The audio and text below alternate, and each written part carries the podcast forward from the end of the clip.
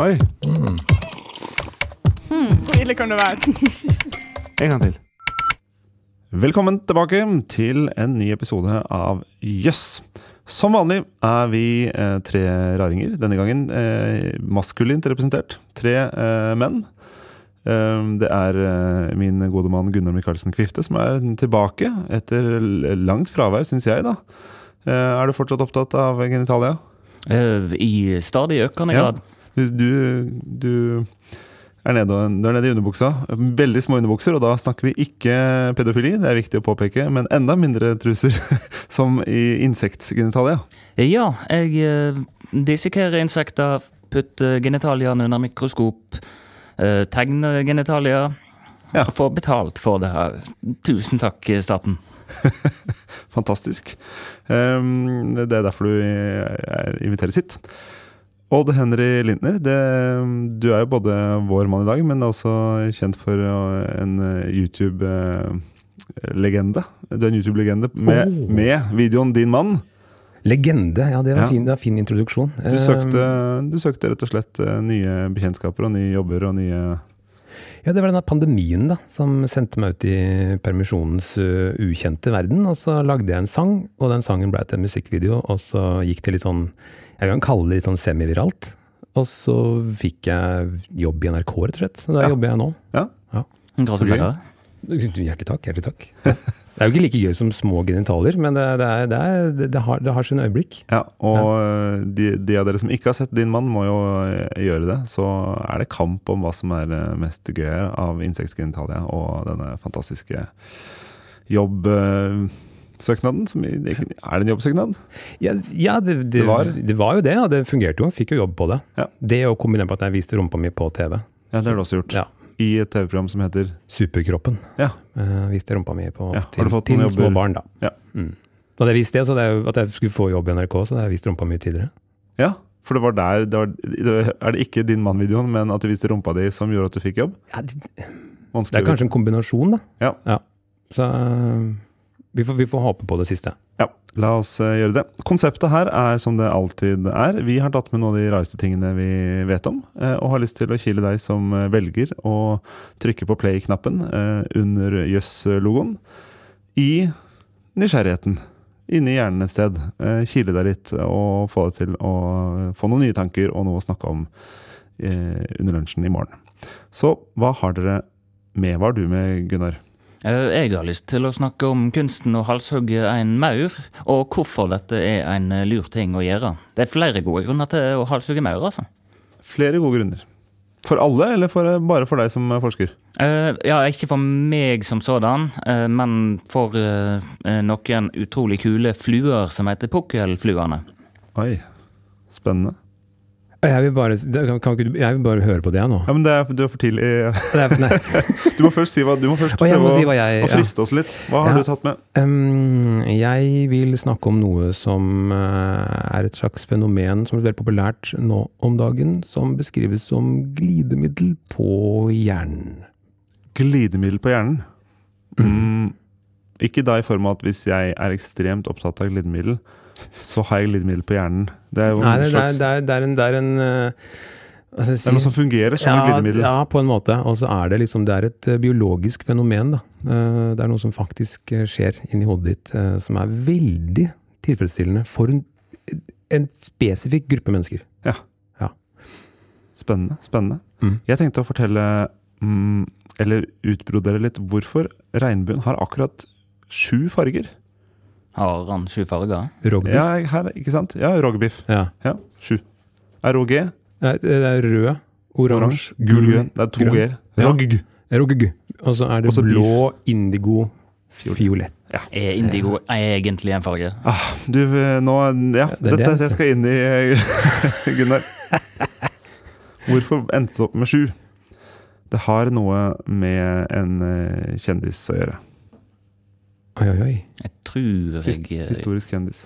Du har hørt om denne? Tror jeg har hørt om Begge, alle her har eh, hørt om denne kjendisen eh, før. Men mer får dere ikke vite. Nei. Hva uh, har du lyst til å høre mer om først, uh, Odd Henry? Ja, Definitivt om å halshugge Hva var det du skulle halshugges? Uh, Maur. Ja, ja, ja. ja. ja. La oss, la oss starte med uh, halshugging. Ja, jeg har en, en kjenning borti i Los Angeles da, som heter Brian, som forsker på pukkelfluer. Pukkelfluene er veldig, veldig små eh, fluer eh, som kan finnes Har de pukkel, som Quasimodo? Eh, Det fins en annen gruppe fluer som heter quasimodo-fluer, faktisk. Men, og de har pukkel. Pukkelfluene veit jeg ikke hvorfor heter pukkelfluer. Men altså, de bøyer seg litt framover.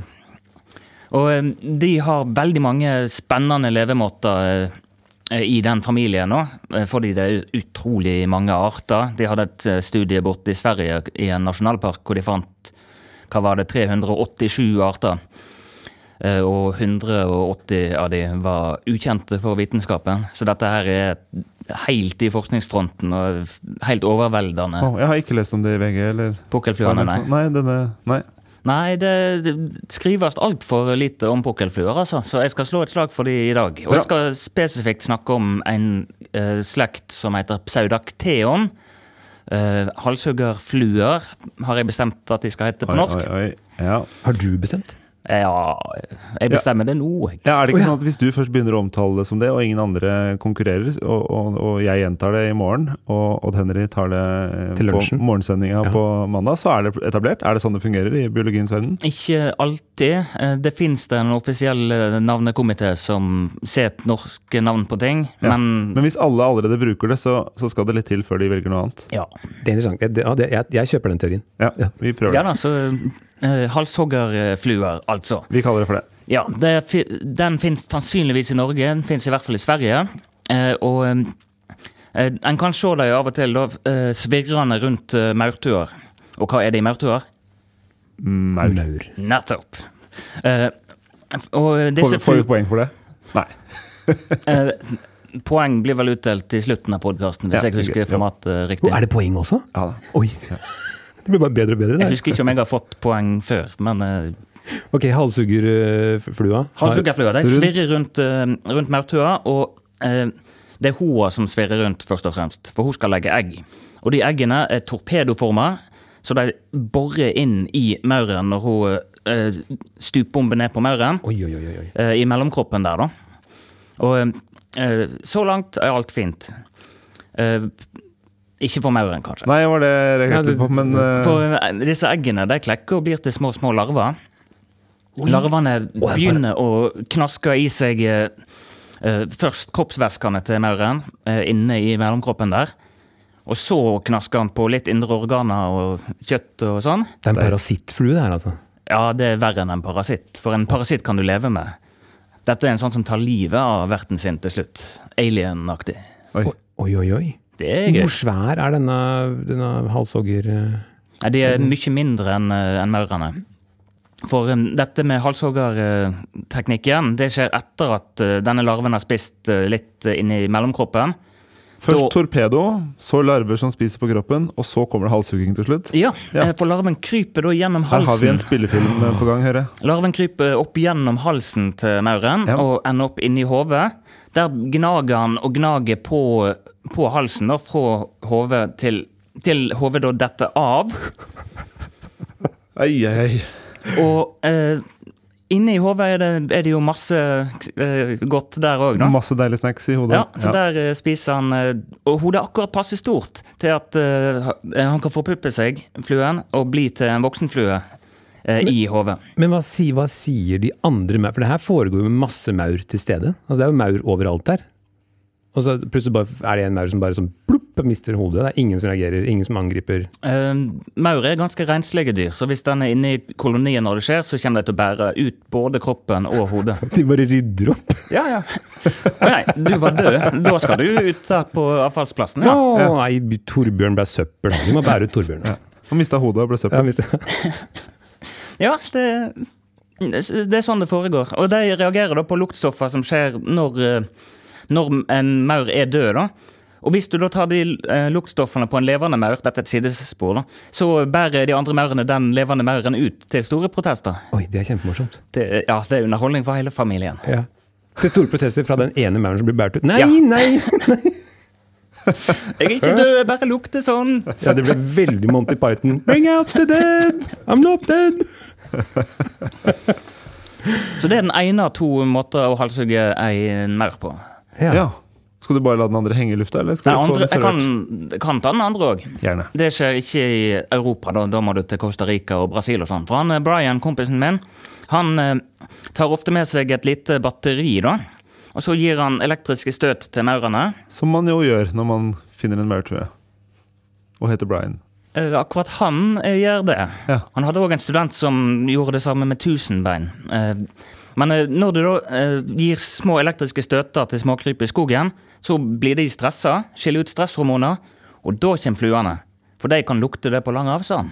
Oi. Ok, men nå- Jeg har veldig ADHD, så jeg bare falt, nå falt jeg litt av. Var det da strøm mot genitaliene? Som ble, er, det, er det der den kommer inn? Nei, det var Nei. ikke det. Det var tidligere.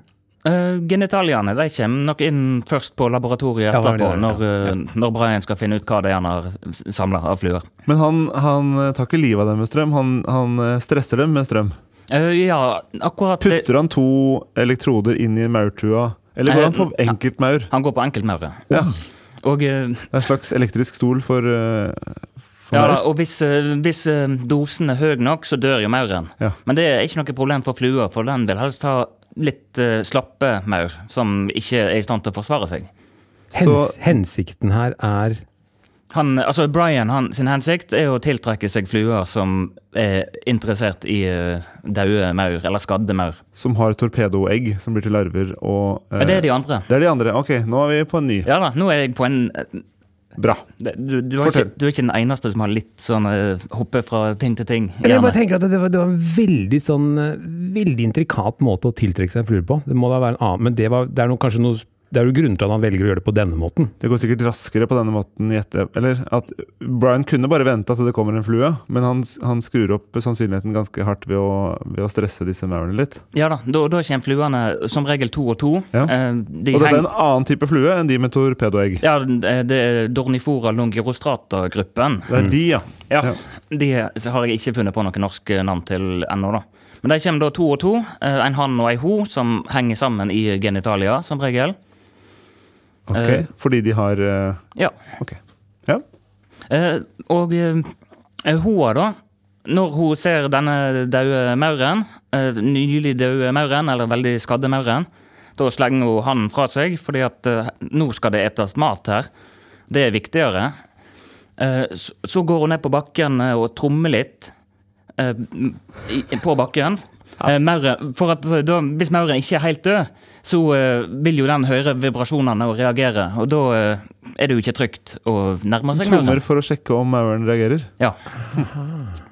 Og hvis da eh, mauren ikke reagerer, så kryper hun bort, begynner å gnage på halsen. Hodet detter av. Hun sleper det med seg eh, og eh, spiser det, da. Det tar ca. ti minutter. Spise hodet. Innholdet i hodet. Nei, og gnage hodet av. Eh, Av hodet. Ja. ja. Jeg bare tenker på den stakkars mauren. Altså den, den, den, den dag, det ble en litt sånn annerledes tirsdag, den der, for den mauren der sånn. Først så får den da støt. Støt av en kjempediger Brian, som er altså et menneske. Jeg syns det virker deretter- veldig unødvendig. Han kunne bare liksom dulta borti den litt. Men nei da, det skal være støt. Og så når han ligger der, så, så, og er helt sånn nesten dau, så kommer den der dødstromminga sånn dum, dum, dum, dum. Og når han hører dem, da veit han at nei, nå Som om ikke han var stressa nok fra før, så kommer den tromminga, og det er liksom ja, og da gjelder det å danse, for hvis du danser og virker livlig ved tromminga, da slipper du å bli tatt av eh, flua, er det riktig? Det, Men hvis du, det er en god strategi. ja, hvis du ikke har så mye energi igjen og er litt slapp, da tenker flua perfekt offer. Og grunnen til at denne, flua, denne voksne flua uh, gjør dette, her, er at hun trenger sannsynligvis uh, de proteinene som er i et uh, maurhove for å modne eggene sine. For selv om hun og han har eh, eh, gjort det vakreste som to uh, pukkelfluer kan gjøre med hverandre, altså nettopp når de kom flygende, Ja. så er det bare uh, hoer uten modne egg i bakkroppen som blir tiltrukket av eh, disse skadde maurene. Så da er det jo å satse på at den hannen har holdt seg i nærheten, da. For da kan hun få befrukta disse eggene, og uh, så fortsette the circle of life. Så hun, eh, så hun, hun dropper uh, hannflua. Uh, For en stakket stund. Ikke sant? For å spille litt hard to get, men vil egentlig ha den til slutt. Det er bare for å stikke og spise litt og ha, ha nok næring til eggene. Og så går hun tilbake og finner mannen for å bli befrukta. Viktig å få i seg energi før en, eh, eh, før en setter barn til verden, altså. Og, det, og mid coitus, mind du, det er midt oppi like, viraken, så gjør hun det her. Eh, midt oppi alt dette vakre, som du sier. Ja. Så, så, så er det altså da, da, Eller da for- Naturen, evolusjonen, har da skrevet manus på den måten at det hun trenger for å lage babyer, det er maureskaller, altså. Ja. Hoder. Det er veldig fascinerende. Er, er analogien her til menneskenes verden at det er en ho som er på byen og finner seg en, en fyr, og de henger nesten litt sammen, for de er så interessert i hverandre. Og så dropper hun denne unge herre, herren for å dra og spise kebab, f.eks., nattmat, og finner igjen mannen for å dra hjem og lage barn. Det, ja, det høres riktig ut. Bortsett fra at det her er det ingen halshogging involvert. Det er eh, sant. Når jeg Den- går på byen, da. Det, Den detaljen uh, fikk jeg ikke med. Men interessant at du på en måte sammenligner kebab-nattmaten med et avkappa maurhode. Er det liksom Et ferskt avkappa maurhode. er er det der nivået er på Har du sett et avkappa maurhode? Nei, men jeg har sett en kebab, og det kan nok stemme. Jeg har sett av kapra maurhoder. Er det noe eh, Kapper av maurhode spiser ferdig? Um, Er det noe mer eh, Hva skjer videre? Hun Nei, finner eh, tilbake til mannen, og de gjør det vakreste to pokerfluer kan gjøre. ja. Ja. og så legger hun egg, og de er litt usikre på hva de eh, larvene holder på med, for den er ikke parasittoid. Um, men ja. Ja. andre dorniforarter de lever på møkk og åtsler og sånne Og, deilige og ting. Trygve Maur, eller hva vi kalte han for noe, som ble, ble båret, båret ut av maurtua. da, For det er eh, Torbjørn, ja. Torbjørn var det. Mm. Torbjørn. Og blir rett og slett uh, båret ut, og det er end of story. Ja. Ja, ja. Ja, dra litt på det. Ja, Ja, fascinerende. Veldig fascinerende. Dypt, dypt fascinerende. Ja, Jeg kunne uh, snakka om maur i timevis, jeg, altså. Men jeg har lyst til å høre om glidemiddel. Glidemiddel, ja. Ja. Ja. Er det min tur, da? Det som er Ja, ja, jeg er spent på om vi skal ned i underbuksa igjen, eller hva glidemiddelet fører til. Ja, nei, det, vi skal ikke ned i uh, underbuksa. Vi, altså, jeg uh, har jo nylig Ikke nylig. Jeg har ADHD.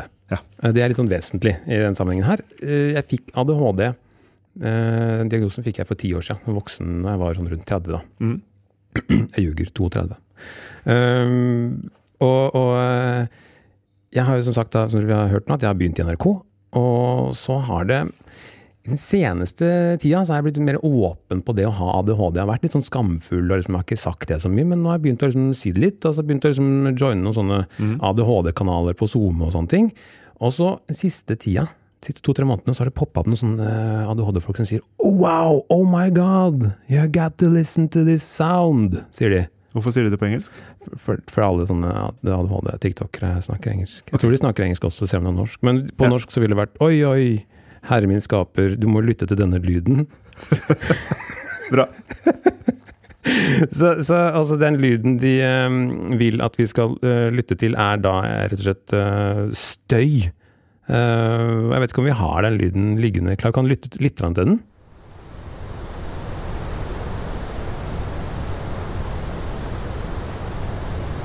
Er det noe som skjer? Skjer det noe inni hodet deres nå? Er det noe glidemiddel? Nei, ikke hos meg. Hva med deg, Gunnar? Altså, det hørtes litt, Først tenkte jeg å, dette er vi er ved havet, dette er sjø. Men Ja. så var det ikke noe variasjon, som det ofte er med bølger og sånn. Er det, Det- er heter? Ja, det er, ja, nest, ja, den er veldig nært beslekta med hvit støy. Dette her var brun støy. Brun- eh, også brun kjent som støy. rød støy. Det er ikke Altså, det er Ja, så eh, det er sånn når du bruner den litt i stekepanna litt den brun. Du har, også, du har også mellom hvit og brun så er det rosa støy, men brun støy har ikke noe med liksom fargen brun. Det, er med, det, det stammer fra Robert Brown, en sånn uh, plantebiologfyr. Det Som har ikke med fargen å gjøre. Brownian motion er det noe som også det er, veldig sånn, det er som da egentlig peker mot noe som er tilfeldig. Eh, det er tilfeldig støy, og det er det som er vesentlig her. Brownske bevegelser og sånn. Ja, Ja. det er her, Nå er våkner fysikeren eh, Ikke litt. sant? Men bare for å rydde opp, for jeg har også hørt om uh, the brown note, altså en brun tone Ja, som skal få deg til å bæsje på den. Det er ikke det samme. Ikke til å forveksles med The Brown Note, som Nei. jo er et veldig spennende tema, og som også kunne egentlig vært en historie verdt å fortelle, men der har jeg faktisk Mythbusters vært innom og busta den. Ja, det er derfor den ikke har vært uh, her før. Men altså uh, Brown uh, note er det ikke, det er bare så folk får rydda opp i det her. Det er uh, brown noise. Brown Brun noise. støy. Brun støy. Ja. Og, uh, og vi har, vi har, jeg har også med meg hvit støy som vi kan høre på etterpå, men, men, men Ok, så ADHD, det dukker opp den der lyden, og jeg begynner å bli litt nysgjerrig på den. Lytter på den og bare sånn, mm, ja, det, det, det, ja, spennende, spennende. Dette må jeg grave litt i. og, og det Ja, fordi det skjer noe hos deg, eller? Er det, kjenner du at det, at det gjør noe i hodet ditt? Jeg merker nemlig Ja, jeg, jeg merker liksom at det Å, det er vanskelig å, det er vanskelig å forklare, men det, det blir liksom ro det jeg, det jeg holder på med, blir lettere å holde på med. Uh, det er ikke så mange ting som kommer inn fra liksom inn i sidesynet, eller jeg liksom kikker opp, eller Oi, det, det, den flekken har jeg ikke sett før, liksom, i taket. Uh, så jeg, jeg på en måte fokuserer litt bedre, føles det som for meg.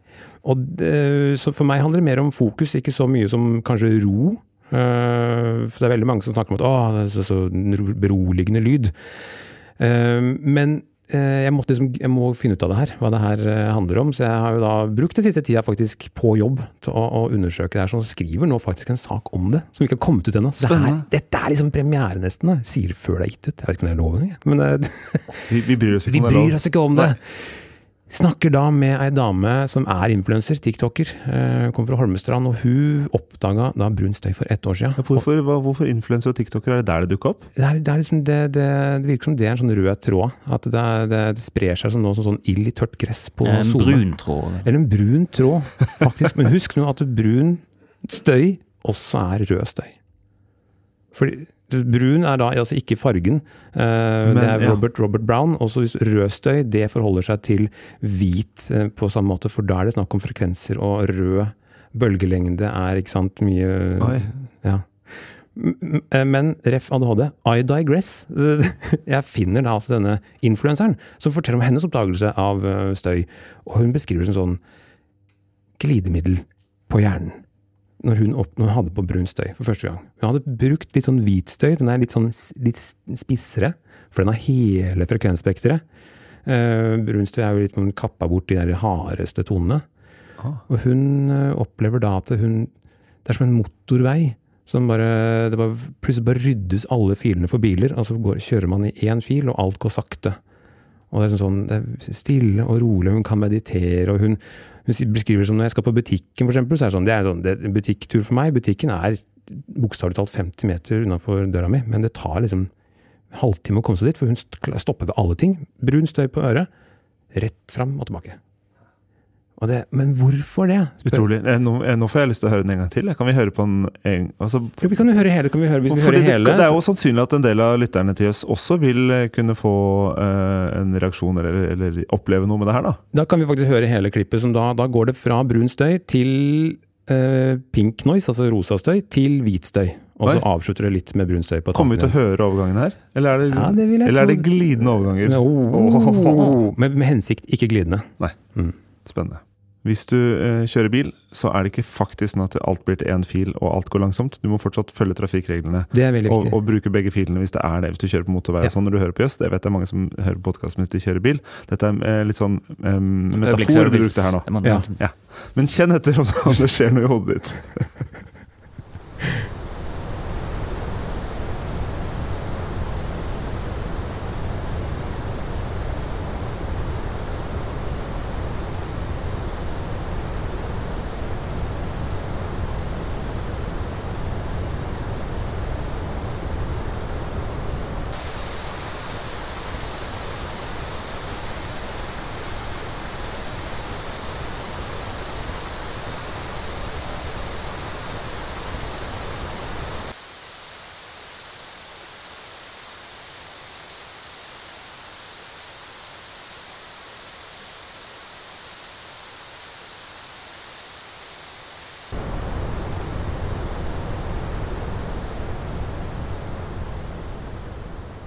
brun støy helt på tampen der. Dere hørte forskjellen?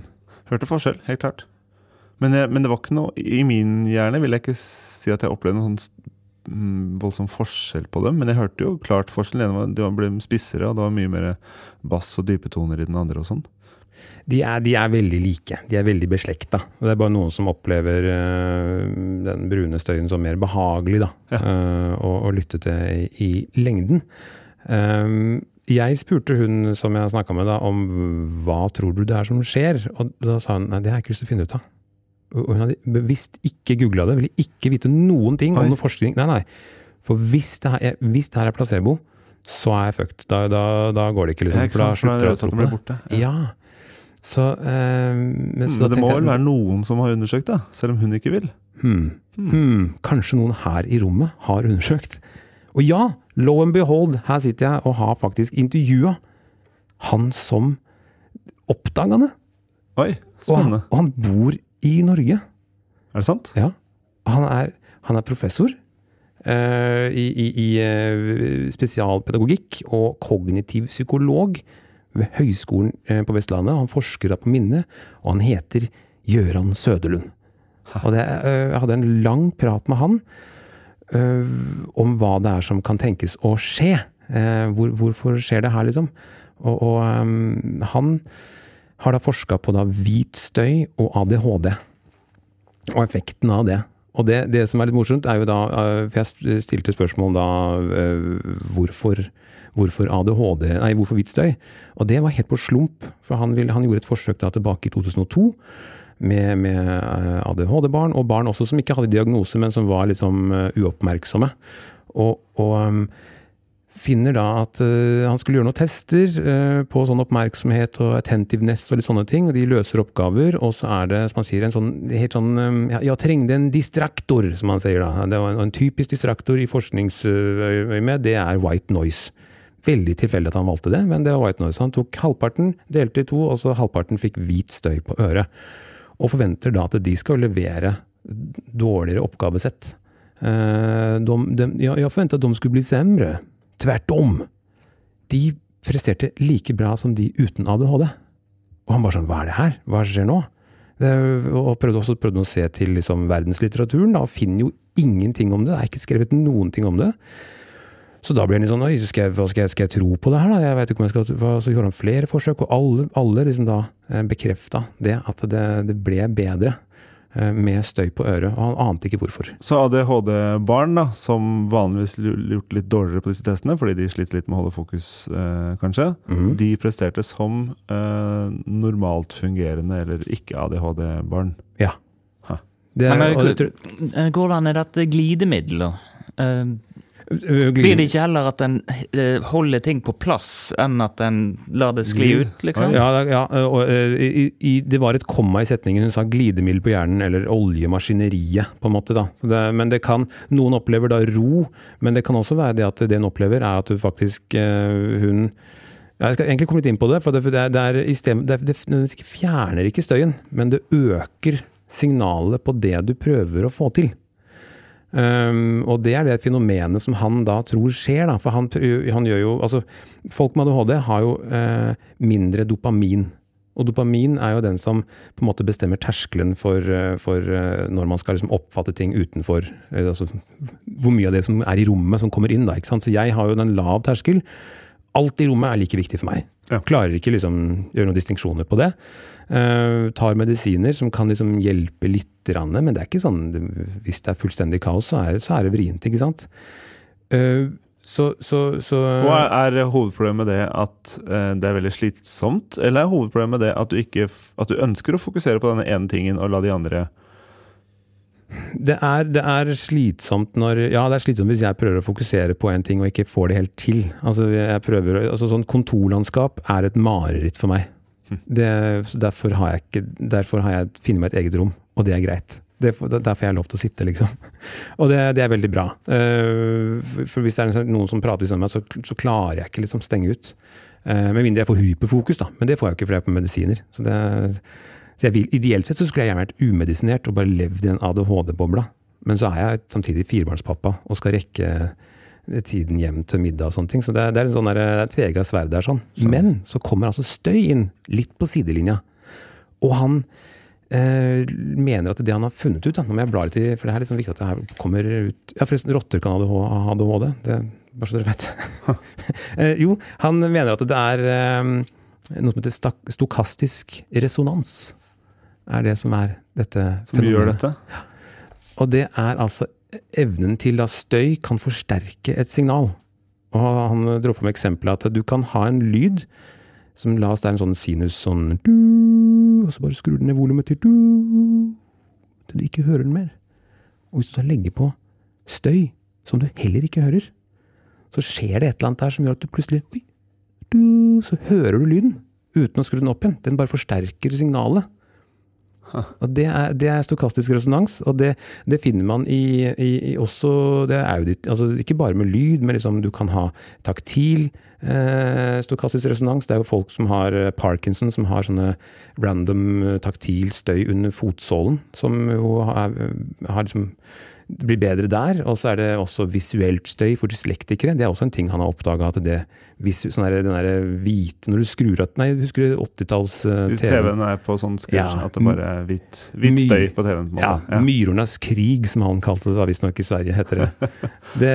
Hvis man legger det over som sånn raster uh, over tekst, så viser det at folk med sterk dysleksi uh, leser bedre. Og da er det snakk om å lese nonsensord, altså tulleord så da må du liksom lese yes. Det er kjempeinteressant. Ja. Og det er det han mener skjer, da. Uh, og, han, og, det skjer hovedsakelig med folk med ADHD som ikke er hyperaktive. Og jeg er jo ikke hyperaktiv. Jeg er litt sånn det som vi sånn, sånn tullete kaller for kanskje jente-ADHD. Altså den er ikke veldig gira. For det, han mener at den, det, den, hyperaktiviteten er kanskje en slags egenstøy. Så hvis du gir, legger på støy i tillegg der sånn, så, så bikker du liksom Da blir det dårlig igjen, da. Så det men jeg, det, jeg syns det er så Jeg syns det er veldig fascinerende. At man kan liksom slenge på liksom støy for å finne ro, da. Ja, jeg er overraska over det. Ja. ja. Og nå det siste prosjektet som er en eller forsøk som er gjort nå, er her i Tønsberg. Vi sitter, er, kan vi si det? Vi sitter, ja, ja, vi sitter, ja, vi sitter i Tønsberg. Eh, på Bupa her i Tønsberg er det gjennomført det, det største så langt, med 100 barn, eh, som gjennomfører en veldig anerkjent tung heavy test og nå for første gang med da støy. Ja. Uh, så da får man også sjekka ikke bare effekten av når støyet er på øret, men også sjekke om hvordan effekten er etter. Det liksom, om det har noe varig effekt. Det, men de resultatene har vi ikke fått ennå? De resultatene, er, De har ikke fått gjennomgått dataene. Men det er gjort, han har gjort eh, forsøk eh, tidligere. Jeg, jeg husker bare årstallet. 2016 så er det refereres det til at det er tilfeller hvor faktisk støy fungerer bedre enn medisinering kontroversielt. Mm. Hva, hva, vil ja. legemiddelindustrien si? De, de, nå skjelver de i buksene. For det, her er jo liksom det, det, de kan satse på istedenfor, er jo da å legge ut eh, For det, det, tenkte jeg på her. Legge ut uh, brun støy på Spotify og tjene penger på det istedenfor. Ja, det er, jo, det er jo selvfølgelig noen som har gjort det. Jeg kjenner, jeg kjenner, en, en, eh, eller, kjenner til en fyr som var veldig tidlig med å legge uh, alle mulige sånne ja, bølgeskvulp og fuglekvitter og blader som blåser i vinden og sånn lyder. Gjør lange opptak, timeslange opptak. Veldig godt. Ja. Og så legge det ut tidlig. Jeg var tidlig ute på Spotify, og det endte opp i mange playlister. Og det er timevis med innhold, ikke sant. Så han hever nå en, en full lønn eh, år Nei. etter år etter år bare på disse filene han tok opp og la ut i, i Spotifys uh, ungdom. Uh, og nå er det selvfølgelig kommet mange andre, så jeg var nå rett inne og så, men selvfølgelig finnes det masse brunstøy på, ja, på Spotify. Ja, ja, ja, massevis. Men, det er, men ikke la dere lure, folkens, for det er, det er, sånn, det er veldig mye sånn Er det falsk brunstøy? Ja, det er sånn white, de, Og så sier de white noise, og så har de bare tatt opp noen bølgeskulp. Egentlig, liksom. egentlig, er det bare mørk oransje. Ja, det er noe sånn hippie, bippie, baloney-folk som da har liksom sagt at vi kaller det bare for white noise. Og så nei, white noise er liksom det er noen sånne teoretiske formler her. Altså Noen desibel skal ha sånn og sånn i henhold til sånn og sånn. Uh, men, men det som er og det, og det, det, er den holdningen jeg har til når jeg leser alle disse for Jeg har jo med meg til og med den svære permen full av alle disse forskningsrapportene hans. Men i intervjuet med han Gøran Søderlund, uh, hvor jeg forsøker å være liksom litt korrekt, og jeg snakker med en renommert forsker, og han er den eneste som egentlig blir uh, sitert. Altså Alle artikler jeg har funnet fra, fra journalister i statene og sånt noe, alle peker tilbake til han. Han er pioneren. Det er ingen andre som har gjort det her før han. Så han har skrevet teorien om det her, liksom. Og, og, og, øh, Ja, nå falt jeg ut. Hvor var jeg hen? Jo, hvit, ja, herregud, hvit støy! Og liksom sånn at det var Jo, jeg satt, sitter her og prøver å være ordentlig. Hvit støy og sånn og sånn og sånn og slik og slik. Og så sier han til meg ja, det er jo egentlig ikke, ikke hvit støy jeg opererer med, det er snarlig pink noise. Du vet, jeg har en kunstnervenn som vi samplade en televisjon. Han har tatt opp lyden fra en TV. Så det er overhodet ikke noe vitenskapelig fremstilt lyd Uh, som jeg tenkte sånn hm, Er det liksom innafor, da? Liksom, Jeg, tenker, jeg, jeg tenker jo at her burde du hatt en synthesizer og, Ja, bruke, ja. og, og skrudd på frekvensene der. Ja, han men, men han mener da at det var for å få det helt perfekt random tilfeldig, uh, for det må være tilfeldig, uh, så, så, så var det en perfekt løsning. Jo, og nå kom jeg på en ting som egentlig er liksom det som er for å beskrive hva som faktisk skjer med stokastisk resonans, så er det det at det, det er jo snakk om elektriske impulser, det her kan sikkert du litt bedre enn meg, men Ja, det er ikke sikkert det. hvis et signal skal på en måte klare å øh, komme uh, av gårde det er jo, altså Nervesystemet vårt er jo terskelbasert, så det må, uh, den elektriske impulsen må nå over en viss terskel for i det hele tatt kunne fyre av. Og for folk med ADHD mener han da at det er litt sånn det er litt vrient å komme seg ut av startblokka. Det er liksom, sånn, ah, Kommer ikke helt av gårde, kommer ikke helt av gårde. øh, men hvis vi legger til støy, for det, det Så den kommer den over. så kommer den over. Og hvorfor støy? Jo, fordi den er avhengig av en, en viss frekvens. På et visst, akkurat riktig millisekund, eh, så får den det riktige pushet til å boom! Ikke sant? Og med støy da, så er jo det, da øker det statistisk, statistisk sett, da, så øker det sannsynligheten eh, for at det kommer til å skje. Spennende. Så det, mm, ja. Veldig. Og det kommer mye framover, da, høres det ut som.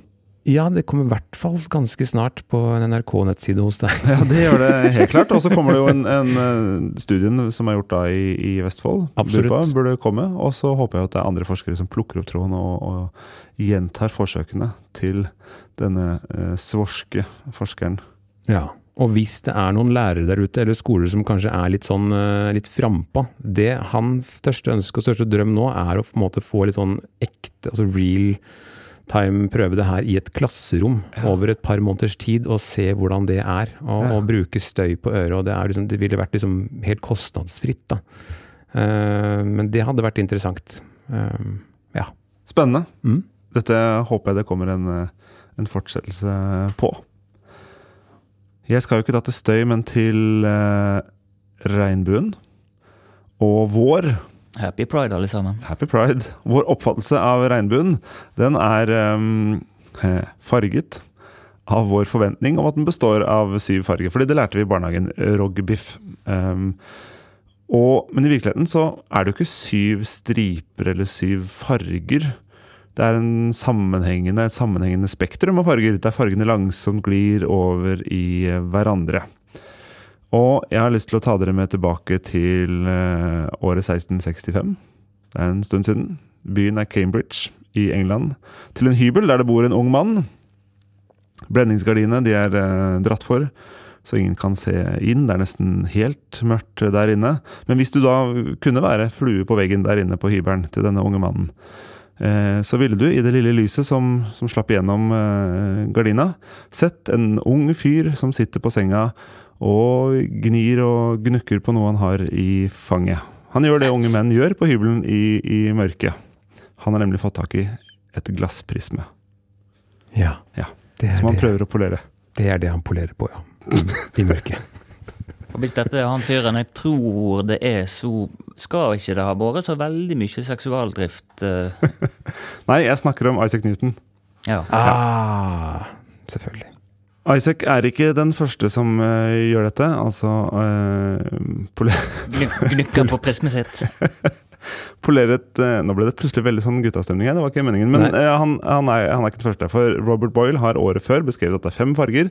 Hvis han lar lys eh, falle gjennom et glassprisme og Hvis du lurer på hva et glassprisme er, så er det en glassbit da, med, med kanter. Typ, du kan jo finne det i en, i en uh, lysekrone, f.eks., eller, eller um, mange andre steder. På Eh, coveret til eh, Pink Floyd-platen eh, Dark Side of the Moon. Der har du et klassisk prisme. Men Isaac han mener altså at det er sju, ikke fem, sånn som Boyle eh, har da beskrevet i en bok eh, året før. Og ved å grave i det her, så tror vi da at uh, tallet syv um, Det tror vi ikke. Vi vet at tallet syv den gang, og delvis i dag, blir regnet som et magisk tall. At det er noe spesielt ved tallet syv. At det er spesielt perfekt eller spesielt komplett. Og, og fortsatt i dag, hvis folk blir spurt om favorittall, eller om å velge et tilfeldig tall, så er det veldig mange som lander på tallet sju. Så det er ikke helt tilfeldig. Men selv for Newton Ja, selv for Newton. For um, magi og mystisisme det fascinerer Newton like mye som vitenskap på denne tiden her. Å, Og øh, når vi skrur såpass mange hundre år tilbake, så sammenfaller det litt også. De, det er de samme folka som interesserer seg litt for, de, for mystikk og magi, og vitenskap. Nei. Det henger mer sammen enn det gjør i, i dag. Jeg har hørt Oi. at han Newton òg brukte mange år på å lage, prøve å lage gull. Ikke sant? Um, og han har flere den, den, type, den type interesser. Ehm, men det han gjorde, da, at han, han, han skviste inn oransje innimellom der, i de opprinnelige fem fargene, og så splitta han opp lilla til indigo og fiolett. Og det er jo det som er eh, spesielt. For har du noen gang sett fiolett og indigo som separate farger i regnbuen? ikke jeg. For, men nå er jeg sterkt fargesvak, da. Du? Så for min regnbue har bare tre farger. Så jeg skjønner Ok, ikke Som den ene, eneste her med normalsyn, normalt fargesyn, så har heller ikke jeg sett indigo og fiolett som separate farger i regnbuen.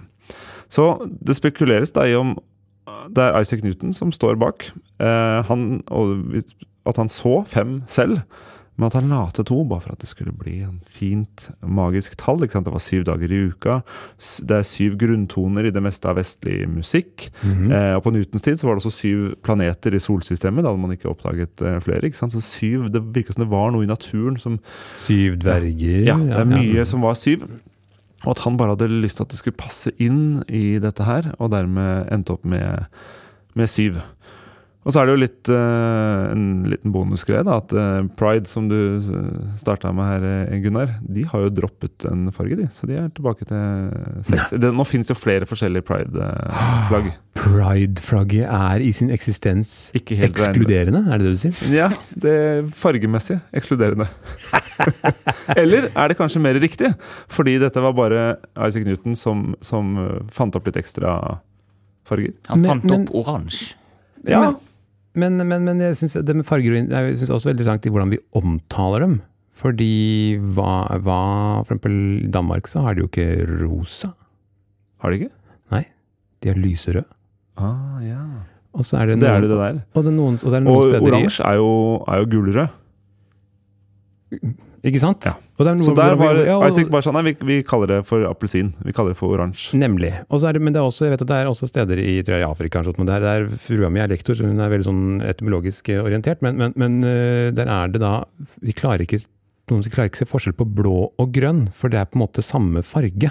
Det er ikke noe eget ord for det. Det syns jeg er interessant. I noen språk. Ja, ja, det er på en måte språket, da. Men, Ja, altså, men sånn, eh, språket har da på en måte også ta Formet. fra deg evnen Ja, hvis du Ja. viser med blå og grønn, så er det på en måte, vil de bare si samme Nei, det er samme farge. Vi gjør ikke noe skille på det. Akkurat som vi Hva er det, hva er det vi har, da, som vi på en måte ikke gjør skille Å, det er egentlig et Vi gjør også et skille som egentlig er litt rart. Uh, er ikke det egentlig rosa og Altså Jo, du kan jo argumentere for at noen farger ikke finnes. Ja. Ja. Fordi vi ikke har en, det er ikke en ren um, bølgelengde som, som svarer til, uh, til den fargen. Uh, a pigment of the imagination. Ja. Det kan du gjerne kalle det. Men, men det, at vi har, det at vi har lært, og lærer i barnehagen og hele grunnskolen, at det er sju farger, og, og at vi har en huskeregel som er da rogbiff, en veldig rar huskeregel for øvrig, Ja. Uh, for hva er rogbiff? Men eh, det er jo det, det er bare magi. Det er bare at det passa med et magisk eh, tall, som vi liker å bruke i eventyrene. Men Ja. uten oransje og indigo hadde det vært veldig vanskelig å uttale. da. Det er sant.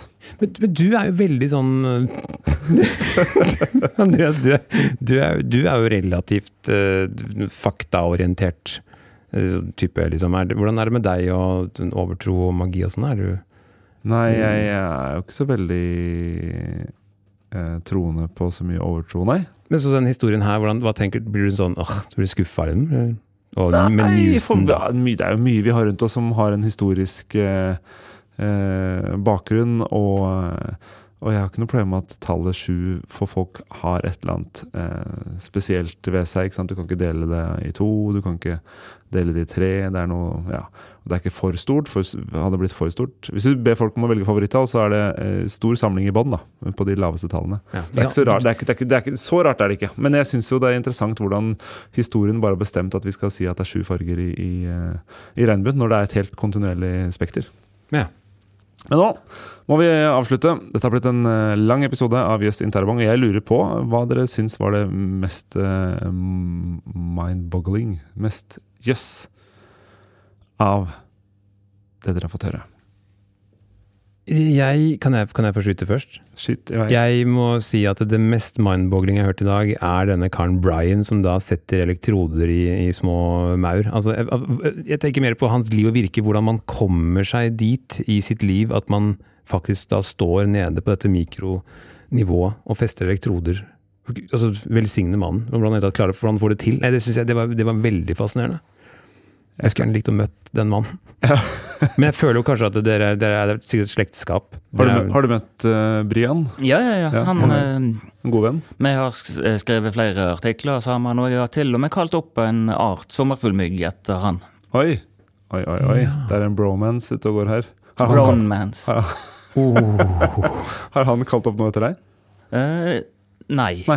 ikke ennå. Så det er litt sånn skjevhet i dette profesjonelle Ja, men eh, det, det er en stor ære å bli kalt opp ting etter. Jeg har bare blitt kalt opp én uh, gang, men det er jo mer enn de aller fleste får, så jeg, Du er fornøyd? jeg er mer enn fornøyd. Ja. Den har til og med asymmetriske genitalier.